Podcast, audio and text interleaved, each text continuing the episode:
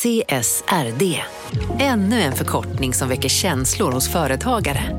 Men lugn, våra rådgivare här på PWC har koll på det som din verksamhet berörs av. Från hållbarhetslösningar och nya regelverk till affärsutveckling och ansvarsfulla AI-strategier. Välkommen till PWC. Välkomna sommaren med att... Res med Stena Line i sommar och gör det mesta av din semester. Ta bilen till Danmark, Tyskland, Lettland, Polen och resten av Europa. Se alla våra destinationer och boka nu på stenaline.se. Välkommen ombord! Om en yogamatta är på väg till dig, som gör att du för första gången hittar ditt inre lugn och gör dig befordrad på jobbet men du tackar nej för du drivs inte längre av prestation. Då finns det flera smarta sätt att beställa hem din yogamatta på. Som till våra paketboxar till exempel. Hälsningar Postnord.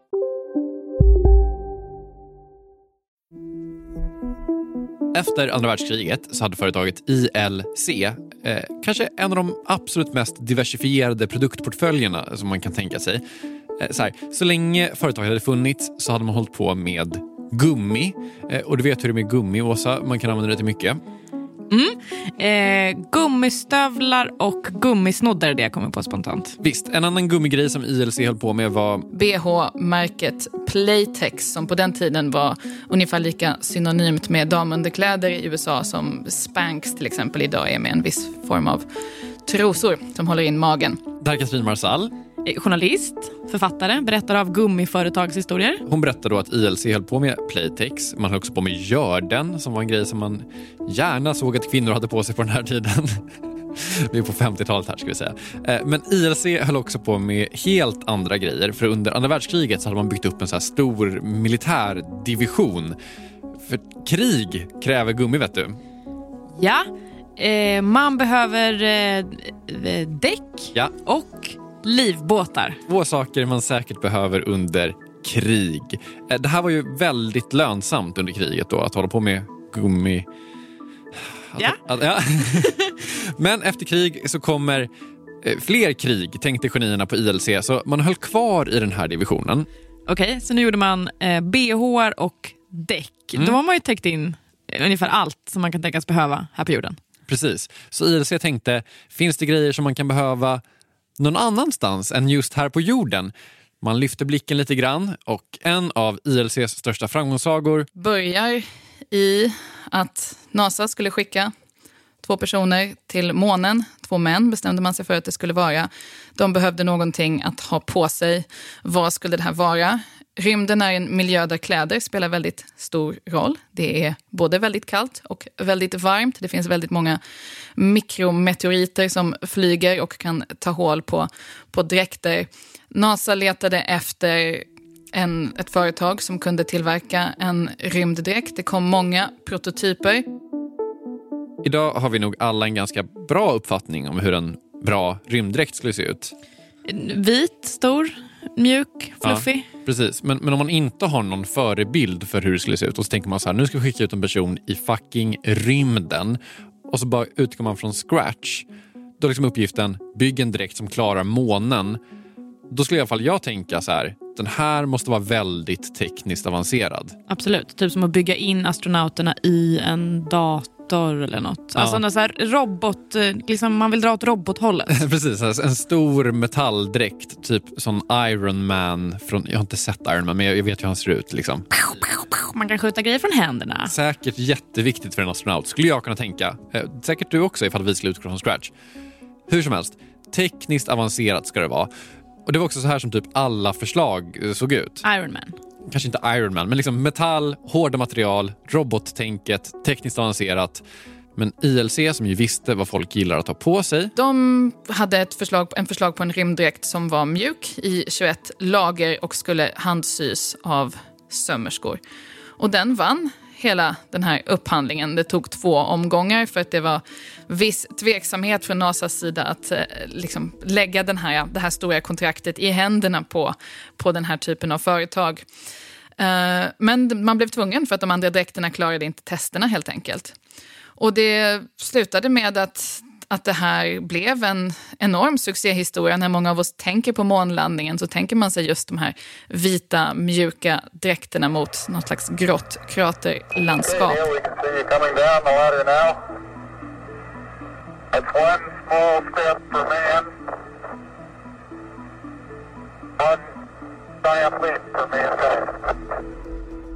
En liten historia om att eh, tänka annorlunda.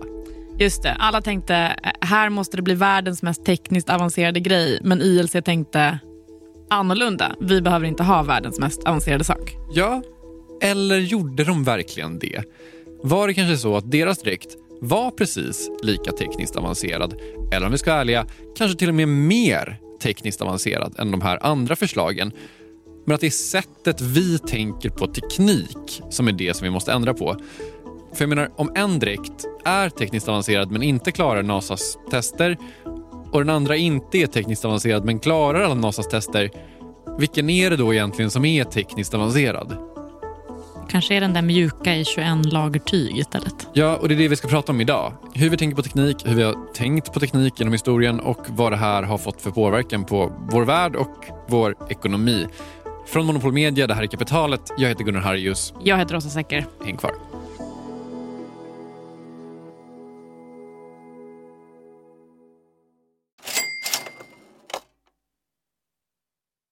Vi sponsras av Storbrand Asset Management som ju förvaltar över 1000 miljarder norska kronor, bland annat för SPPs eh, många pensionssparare. För två år sedan så investerade Storbrand i drygt 60 tåg, alltså tågvagnar, eh, som rullar mellan London och Skottland. De leasar sedan de här tågvagnarna till tågoperatören som alltså kör tågen och säljer biljetter och sånt eh, med ett avtal på 27 år. Så britterna får nya fina tåg och storbrandskunder, eh, däribland alltså SPPs pensionssparare, får en inflationsskyddad avkastning med låga risker under lång tid. Det här är ett av supermånga exempel på hur pensionskapitalet i växande omfattning bidrar till att bygga samhället och inte minst till att klara klimatmålen. Det behövs elproduktion, elnät, batteriparker, nya transportlösningar och allt möjligt. Bara i Europa antas investeringsbehovet för att klara klimatmålen uppgå till tusentals miljarder dollar. Och det här är ju pengar som ganska ofta saknas i statsbudgetarna. Däremot är det här pengar som pensionsbolagen kan vara med eh, och stoppa in, vilket ger pensionsspararna en fin avkastning under lång tid samtidigt som man är med och ställer om samhället. Vi har gjort ett helt avsnitt om det här eh, som man kan lyssna på. Det publiceras här i Kapitalet i mitten av maj. Ratta gärna in det om ni vill lära er mer om hur det här funkar. Men tack säger vi till Storbrand Asset Management som ju investerar i alla tänkbara tillgångslag, bland annat för pensionsbolaget SPP. Och tillsammans försöker ju vi, Storbrand och SPP, öka medvetenheten om hur pensionerna funkar och vilken roll pensionerna spelar i samhället och i ekonomin.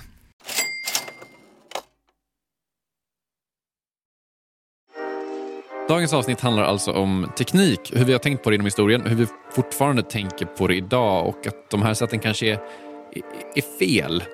Ja. Ja. Eh, det här tänker vi då eh, på tillsammans med Katrin Marsall. Precis. Eh, Vi gav henne kanske en lite styvmoderlig styvfad. Du fattar.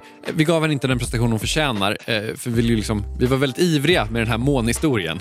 Just det. Eh, Men man kan väl säga att, eh, om ah, vi ska smickra oss själva lite grann, Ja. att Katrin Marsall gör det som vi försöker göra lite grann, alltså förklara ekonomi och samhälle på ett kul sätt. Mm. Men hon ska såklart få en, en bättre introduktion än så. Jag heter Katrin Marsall. Jag är journalist på Dagens Nyheter och författare, bland annat till Att uppfinna världen, en bok om kön och ekonomi och innovation som precis har kommit ut.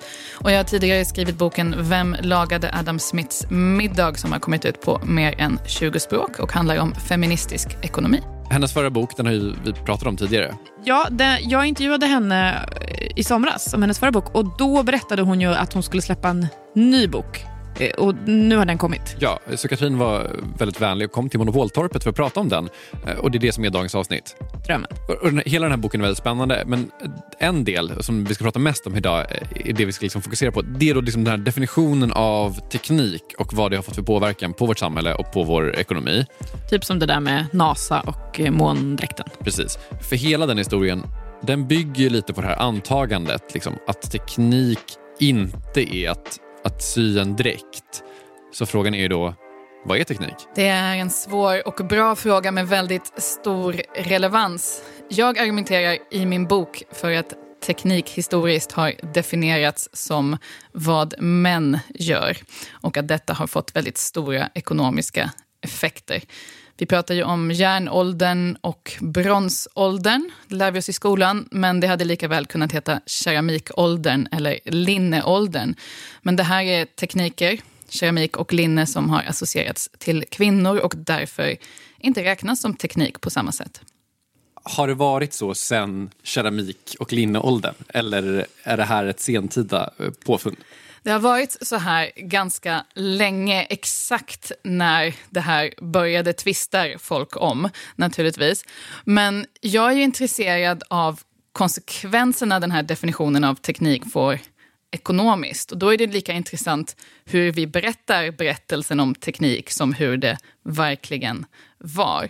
Och det här har fått stora effekter på arbetsmarknaden. Till exempel så barnmorskor i stora delar av Europa använder fortfarande trattar av trä när de ska lyssna på fosterljud. Och det här har ingen som helst teknisk funktion, att, det, att materialet är trä, utan det var för att trä ansågs vara ett otekniskt material och därför lämpligt för kvinnor. Barnmorskor i nästan hela världen förbjöds från att använda verktyg av metall. Och den här uppdelningen i att liksom den, det som kvinnor gjorde i ett förlossningsrum skulle definieras som otekniskt och det män, alltså läkarna, gjorde skulle definieras som tekniskt gjorde ju att barnmorskeyrket och läkaryrket blev vad de är idag, där ett av dem är kvinnodominerat och det andra mer mansdominerat i stora delar av världen och mer högbetalt. Och där har man sett i sektor efter sektor. Kvinnor i fabrikerna som sydde strumpor på 1800-talet arbetade med att sy igen tån på strumpan som var väldigt svårt. Uh, men just det betraktades inte som tekniskt eller skilled som man säger på engelska. Vad säger man på svenska? Kvalificerat? Kvalificerat arbete, utan den här förmågan att sy igen tån på strumpan definierades som någonting som kvinnan liksom biologiskt var bra på. Och, och så ser man nästan under hela teknikhistorien att det som män gör definieras som tekniskt och kvalificerat och det kvinnor gör definieras som naturligt. Och den ekonomiska konsekvensen av det blir ju att om någonting är naturligt så är det inte heller någonting som ska vara särskilt välbetalt. Så i NASA-exemplet då, eh, sömmerskorna på ILC var ju då svinbra på att sy såklart. Så om man nu bara är beredd att hacka i sig att sömnad är en teknik, Vilket det såklart är. vilket det såklart är, så är ju de här sömmerskorna tekniska experter. Men eftersom att de syr och inte svetsar så tänker vi inte på det på det sättet. Precis. Det vi vill ha här för att vi ska tänka på det som teknik, det är liksom att det är något hårt material som böjs efter vår vilja med hjälp av ett eldsprutande verktyg. Det är först då som det kan bli liksom tekniskt avancerat, tycker vi som människor. Men det Katrin säger är att sömnad är ju tekniskt avancerat. Eh, bara det att vi tänker att så här, kvinnor är naturligt bra på sömnad spoiler alert, det är vi inte. Jag är till exempel inte eh, någon sömnadsstjärna. Precis. Eh, Men om man nu börjar göra det här, alltså om man börjar tänka på sömnad som någonting tekniskt avancerat, som, som då ILC gjorde, då kan man börja bygga rymdkläder. Men det var en komplicerad process. De flyttade sömmerskor bokstavligen från liksom bh-tillverkning till att sitta och sy syrymddräkter och det var väldigt stora problem i kommunikationen med beställaren, alltså NASA, som hade ett traditionellt sätt att tänka på teknik och de ville ha om de skulle skicka någon till månen i den här dräkten, då ville de ha tekniska ritningar på den här dräkten. Sömmerskorna tänkte inte så, det finns inte den traditionen inom sömnad. Eh, de tänkte inte följa några tekniska ritningar. De hade en kunskap som kom från ett helt annat håll. För att det här skulle fungera behövde man ta tillvara den här kunskapen. Och det slutade med att det här företaget ILC fick anställa en specifik grupp med ingenjörer vars enda uppgift var att eh, ta det sömmerskorna redan hade gjort och översätta det i tekniska ritningar som skulle lugna NASA. Som alltså inte användes utan bara rent kommunikativt. Som man liksom efterhandskonstruerade ritningar. Ja, samtidigt kan man ju förstå NASA. Alltså, det är klart att de, ja, de skulle skicka två personer till månen Ja. som helst inte skulle dö. Och då vill man ha Ehm. papper på det. De ville ha papper på det och det var enorma högar med papper. De blev jättelyckliga när de fick dem. För det här sätter ju fingret på eh, massa saker. Men en sak då som är, det är ju att man eh, på eh, det här företaget ju faktiskt tar kvinnors innovation och tekniska kunnande på allvar och fattar att sömnad är en teknik. Och det gör ju också att de blir vinnande ekonomiskt av det här. Japp. Finns det outnyttjad potential och fortfarande liksom outnyttjade branscher där man skulle kunna göra den här typen av saker tror du? Jag tror att det finns nästan överallt. Och det här företaget det är en inspirerande historia, vilket det är anledningen till att den är med i boken som är tänkt att vara en inspirerande bok, även om många säger att de blir så jättearga när de läser den, vilket inte alls var planen. Jag ber om ursäkt för det. Um, för den var väldigt bra på att bryta ner, precis som du säger, gränserna mellan vad som anses som, som traditionell manlig teknik och traditionell kvinnlig teknik. Och ingenjörerna på det här företaget tog sömnadslektioner, ofta i flera månader. Jag tror att det finns en jättepotential här um, på väldigt många områden. Um, och vi har en, alltså vad jag vill visa med boken, som innehåller exempel på allt från Därför fick resväskor inte hjul före 1972 till därför ansågs elbilar vara kvinnliga och på 1800-talet och därför höll det tillbaka utvecklingen. Jag tar ju upp de här äh, liksom, underhållande historiska exemplen just för att göra poängen. Alltså, det är lättare för oss att se tillbaka på förr i tiden och se hur präglat, in, präglad innovationen var av könsroller. Det är mycket svårare att se det idag. Så att boken tar med folk på en resa från alla de här historiska exemplen och in i nutid för att man just ska ha mer av den här förmågan att se hur vi idag är begränsade av vårt tänkande runt kön. Och jag menar, nu är ju det här, precis som, som Katrin Marsall säger, liksom en inspirerande historia. Mm, visst. Samtidigt som i alla fall jag kan känna mig lite så här chock, chockad, men det är så här, ändå en aha-upplevelse att man kan tänka på teknik på olika sätt. Så vad definierar vi som teknik och inte teknik? Katrin har ett annat exempel som handlar om ditt absoluta favoritämne. Det måste vara mjölk. Mjölkindustrin i Sverige innan industrialiseringen var dominerad av kvinnor. Det ansågs vara en naturlig kvinnlig syssla eftersom kvinnokroppen ofta har en förmåga att kunna producera mjölk på naturlig väg så ansågs det ganska naturligt att även kvinnor skulle ta hand om ostystning och allt sånt där. Sen med industrialiseringen blev det större pengar att göra i smörbranschen och så vidare. Och då skulle man förstås kunna tro utifrån någon slags allmän logik att kvinnorna som redan kunde det här skulle tjäna ekonomiskt på att branschen som de hade ekonomiskt specialiserat sig mot plötsligt blev viktigare. Men så var det inte, utan istället kom männen in och mjölk omdefinierades från någonting liksom naturligt och kvinnligt till någonting tekniskt och manligt.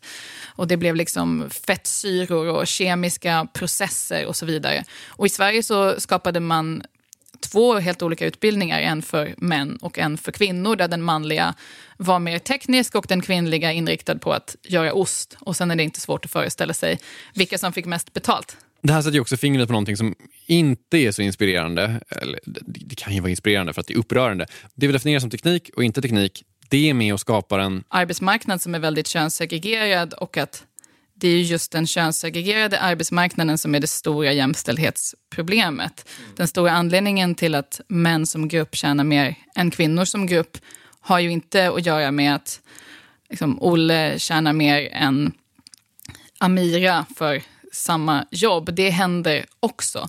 Eh, utan den stora anledningen är ju att Olle och Anira, Amira tenderar att vara på helt olika delar av arbetsmarknaden. De flesta kvinnor arbetar mest med andra kvinnor. De flesta män arbetar främst med andra män och mansdominerade branscher tenderar ju att vara högbetalda eh, och kvinnodominerade branscher lågbetalda.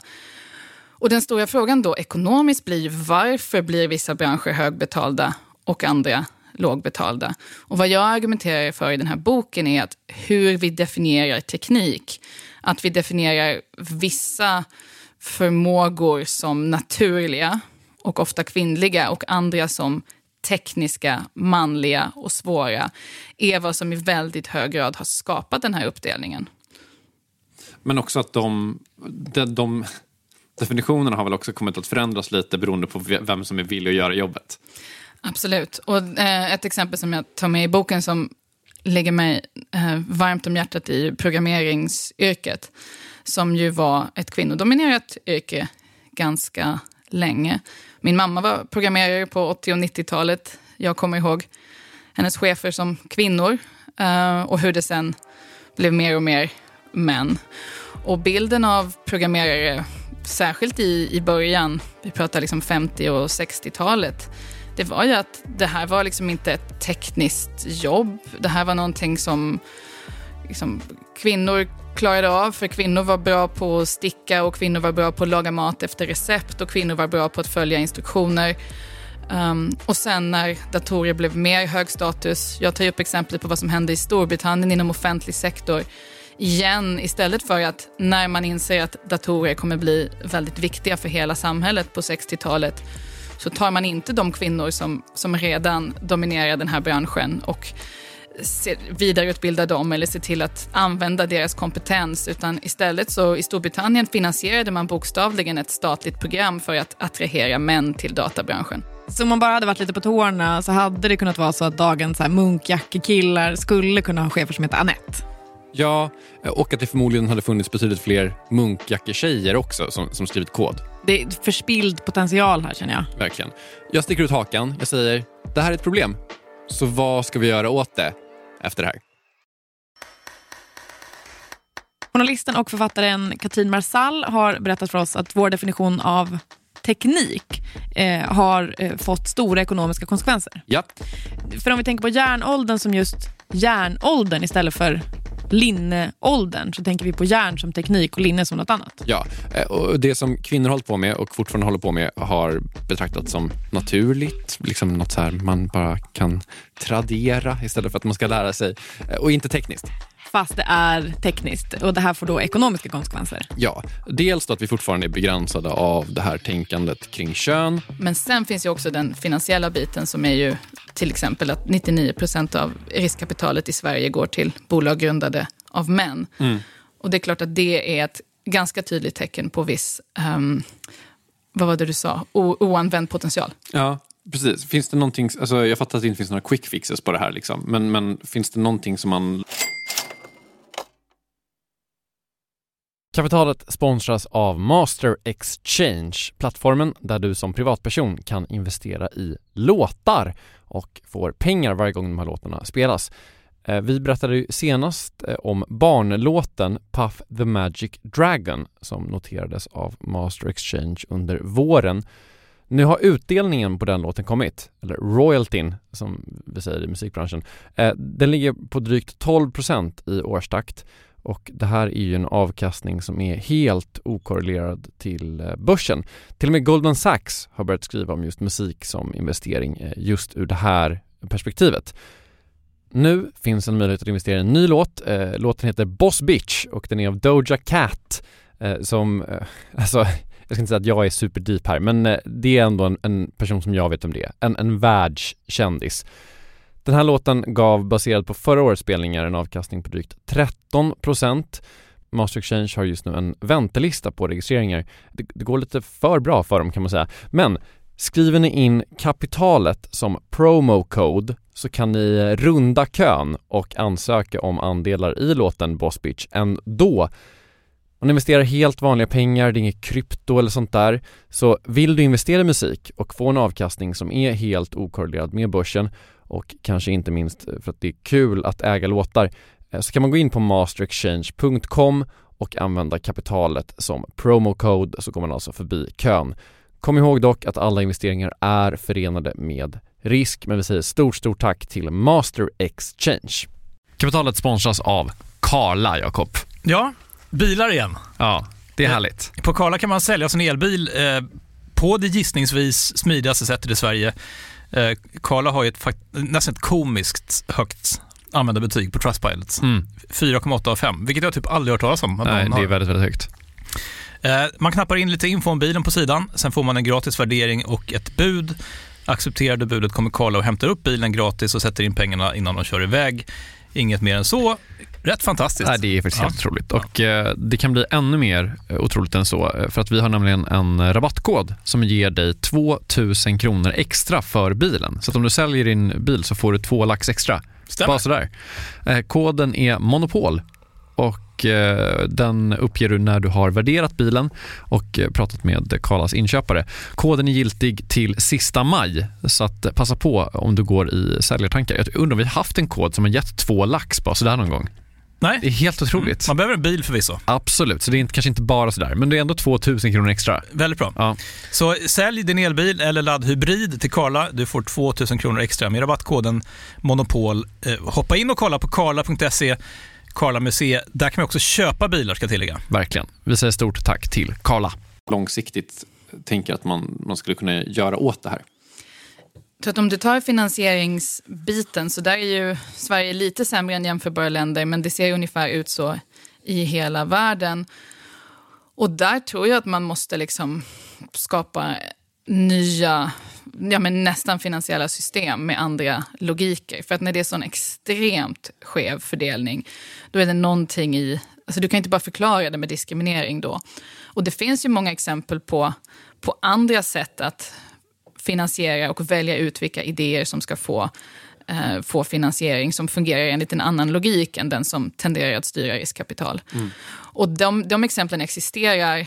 Um, men jag är med till exempel i en organisation som, det är liksom en, en fond som ger pengar till, som investerar pengar i kvinnliga företagare, men som inte är ute efter att gå med vinst. Alltså det, att du, olika incitamentsstrukturer och det behöver inte vara non-profit för att det här ska fungera, men, men jag tror att det behövs finansiell innovation helt enkelt. Ja. En av de tråkiga grejerna med det här jobbet tycker jag är att man blir så himla, att man, kan bli, man, man måste akta sig för att inte bli cynisk. Att det inte ska vara så här typ, ja, men någon måste tjäna skit, skit mycket pengar för att det här ska typ kunna förändras på något sätt. Finns det något sätt som är så här, någon kan tjäna massa pengar men vi kan ändå ändra på det finansiella systemet? Ja. ja, jag tror absolut det. Alltså det finns ju incitamentsproblem i det här systemet. Jag går in på dem i boken, jag jämför det med valjakt till exempel. Ehm, men som handlar om att man vill investera väldigt mycket pengar i ett fåtal idéer. Jag tror att om man istället skulle investera mindre summor i fler idéer och därmed få en incitamentstruktur som, eller man skulle göra om incitamentstrukturen så att, så att det blir rimligt, då skulle man inte heller behöva leta efter bara den här typen av idéer som antingen kan ta över hela världen eller det blir total pannkaka av. För det är de som premieras av det nuvarande finansiella systemet. Den här, det som kallas för blitzscaling. Att du ska komma på med en app och sen ska jag ge dig 100 miljoner dollar så att du kan liksom skaffa dig ett monopol i Sverige med just dina elsparkcyklar eller vad det nu kan vara. Och först efter att du har lyckats få monopol i hela Sverige kommer du eventuellt kunna gå med vinst. Alltså jag överdriver, men det är ju den modellen som i väldigt hög grad styr den typen av företagsidéer och så kallade innovationer um, tenderar ju att i högre grad vara män som hittar på, medan kvinnors idéer ofta, och det visar forskningen också, kan tänkas gå med vinst tidigare, vilket ju faktiskt i det nuvarande finansiella systemet för att stödja innovation är något dåligt. Vilket ju låter helt sjukt att det skulle vara dåligt att vara lönsam, men den bistra sanningen är nog att det i alla fall ligger en hel del i det här. Förlåt, jag kanske hänger upp mig på fel saker här, men eh, valjakt. Mm. Eh, sa hon att de här finansieringssystemen bygger på valjakt? Ja, val, valjakt var dåtidens Silicon Valley, uh, sa hon utan att blinka. Ja. Uh, nej, men det var en industri med, med väldigt, höga, väldigt stora möjligheter till att göra väldigt stora vinster och också med enorma risker. Du var liksom tvungen att åka upp till de här vattnen där valarna eh, eh, så att säga simmade och sen ro, ro ut i en liten, liten roddbåt och harpunera valen och sen hänga fast i den här valen i två timmar medan den dödsdansade där bland isbergen och sen så hissa upp den på däck och lyckats ta dig hem. Uh, så det är liksom värre än en, en vanlig IPO. Uh, eh, men lyckades du komma hem med det här valfläsket så uh, det var verkligen en jackpot för att det här, den här produkten produkterna som kom ur valen, det var liksom långt ifrån bara korsetter till kvinnor, men det var framförallt valoljan som var väldigt viktig för att lysa upp världen på den här tiden.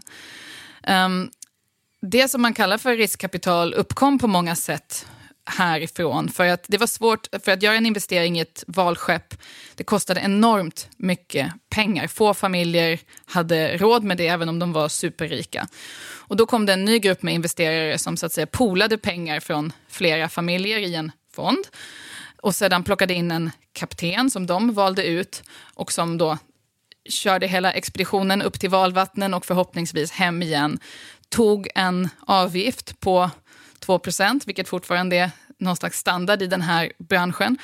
Och, eh, och sen så om investeringen, om man fick hem valen så delades eh, vinsten upp mellan de här investerarfamiljerna. Och det här gjorde ju förstås att man spred riskerna. Du kunde fiska många fler valar och till slut så tog man nästan, tömde man nästan haven. Men det är en annan historia. Samma logik följde med in sen i Silicon Valley och hur man ser på techinvesteringar, framförallt i USA. Um, och man har kvar en ganska liknande modell som just premierar den här typen av blitzscaling. Uh, eh, att man gör ett fåtal investeringar i väldigt stora valexpeditioner um, och så vidare. Men alternativet då, om man fullföljer metaforen, är det att man ska liksom istället investera i liksom fyra olika hela fiskeflottor? ja, och sluta jaga enhörningar, eller hur? Det är det man jagar nu. Det var ju ja. valar man fiskade, nu är det enhörningar som alla, alla är ute och jagar. Och om 95 procent av dina investeringar liksom går under i de här isbergsvattnen så spelar det ingen roll om du hittar en enhörning. Det här är en logik som väldigt tydligt missgynnar kvinnor och stänger ute kvinnors innovationer. Inte bara kvinnors, men om du har en situation att det är, liksom, det är liksom 97 99 procent av de här investeringarna som går till män, då har du ett strukturellt problem.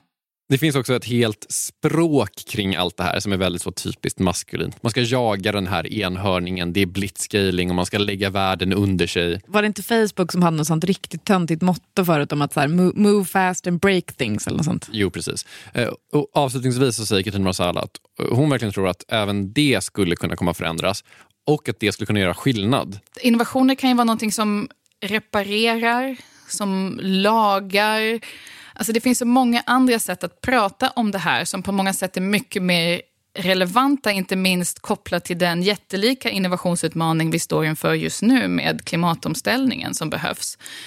Jag tror att det verkligen... Det är klart att de folk som pratar på det här sättet på sina startup-konferenser kan säga att, att deras ord inte spelar någon roll. Varför hänger du upp dig på det här? Men då kan man ju bara peka på resultatet som är 99 procent av det här kapitalet som går till män. Och då tror jag man måste göra någonting. Katrin Marsals bok heter Att uppfinna världen. Hur historiens största feltänk satte käppar i hjulet. Precis. Och med det så är kapitalet slut för idag. Du heter Åsa Secker. Ja, och du heter Gunnar Harrius. Kristoffer Krook har mixat och gjort musiken som du hör precis just nu. Mm. Vår chef heter Jakob Bursell. Vi är tillbaka igen om en vecka. Gå in på kapitalet.se support om du vill. Gör det bara. Hej då. Hej då.